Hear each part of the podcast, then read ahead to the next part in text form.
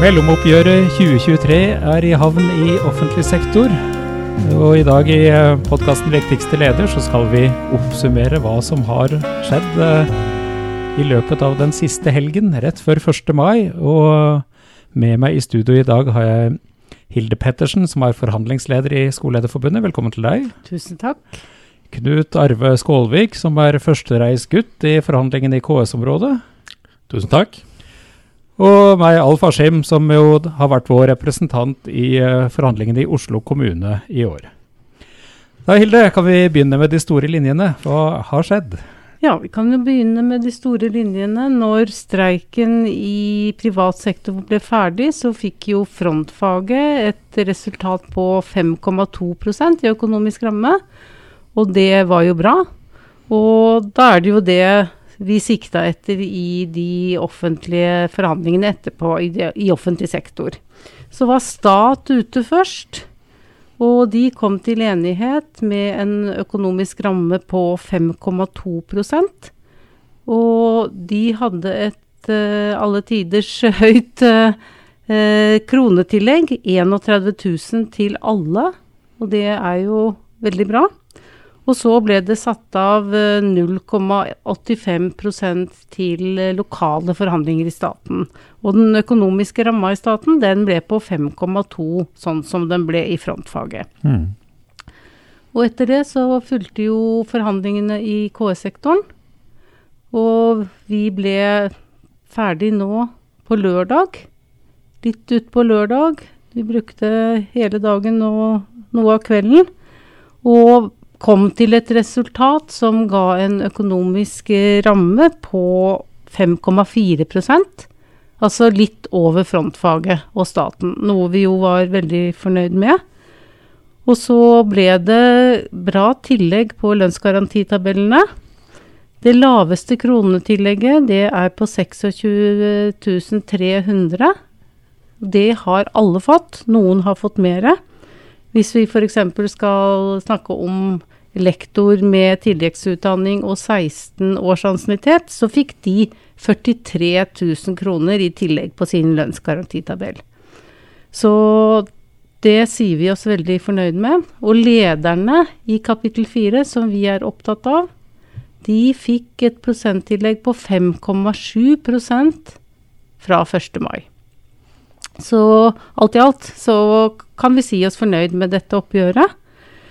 Og så er det også det å nevne at det ikke ble satt av penger til lokale forhandlinger i kapittel fire i år. Men det ble bestemt at det skal være lokale forhandlinger i 2024, og at man skal bli enig da om størrelsen som settes av til de lokale forhandlingene. Så det var vel en uh, kjapp gjennomgang av resultatene. Og så kan kanskje du si noe om Oslo, Alf? Ja, jeg kan uh, føye på litt om Oslo. Også der så endte man med en ramme på 5,4 og der uh, er det, I Oslo så var det jo en kombinasjon av uh, kronetillegg og prosent. Altså Alle har fått minimum 32 600 i kronetillegg. Litt grann da over det som var i, i staten.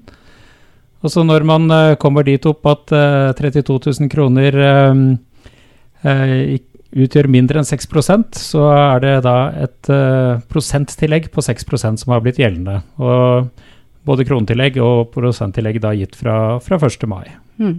Så det har jo også i, vært et uh, veldig godt oppgjør for Oslo kommune. Og vi kommer jo i land da aller sist. Det er jo sånn først stat, så KS, og så stat på fredag kveld og KS på lørdag kveld, og vi på søndag ettermiddag. Ja. Så det har um, har jo vært litt sånn suksessivt. Vi eh, har skjønt at det er ofte er Oslo kommune som venter til sist. Ja, det er det. Det er Oslo mm. kommune sitter gjerne og venter på resultatet fra KS-forhandlingene. Jeg glemte å si at uh, disse tilleggene på lønnsgarantitabellene, det har jo virkningsdato 1. mai.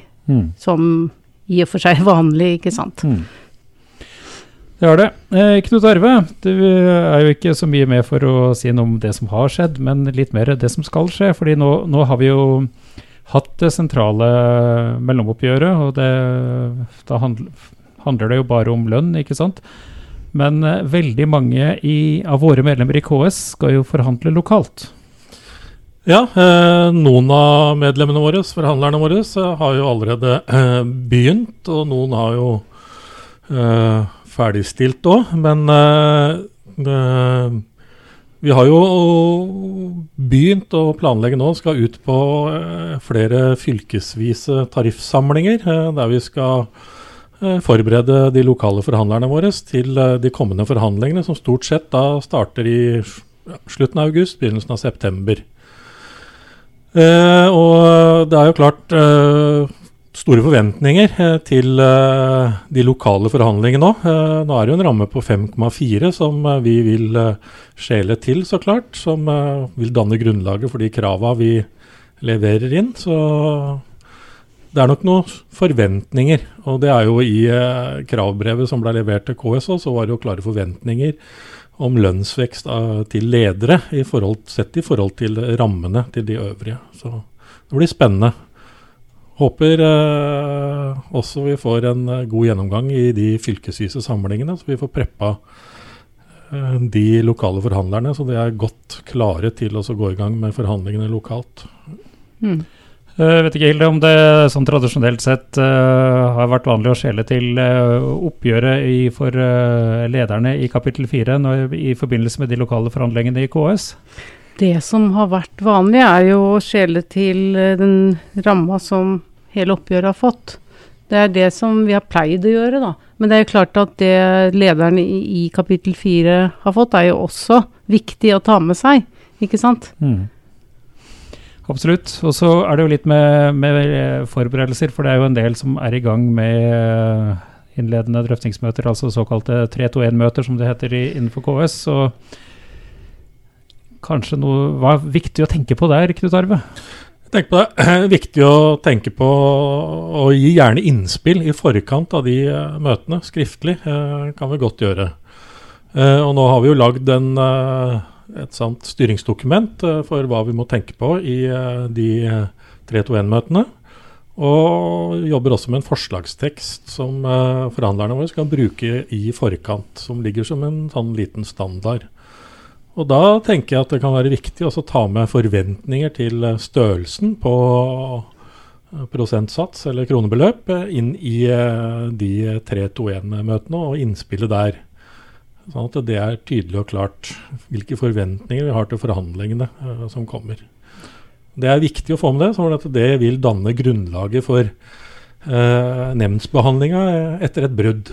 Uh, så utrolig viktig at vi har gode innspill i de 3-2-1-møtene. Mm. Ja. Vi har jo hatt noen erfaringer på, med bruddsituasjoner, Hilde, hvor, hvor, det viser seg i dette? Ja da, det ble jo kommentert i to av de bruddene vi hadde i fjor.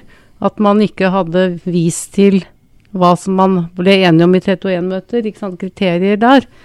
Sånn at det er viktig. Vi kommer til å fokusere veldig på 321-møtene. Mm. Det er kjempeviktig. At vi er aktive der, da. Da er det vel i grunnen bare å ønske de som skal i ilden med de lokale forhandlingene, lykke til med arbeidet som de skal gjennomføre. Og mm.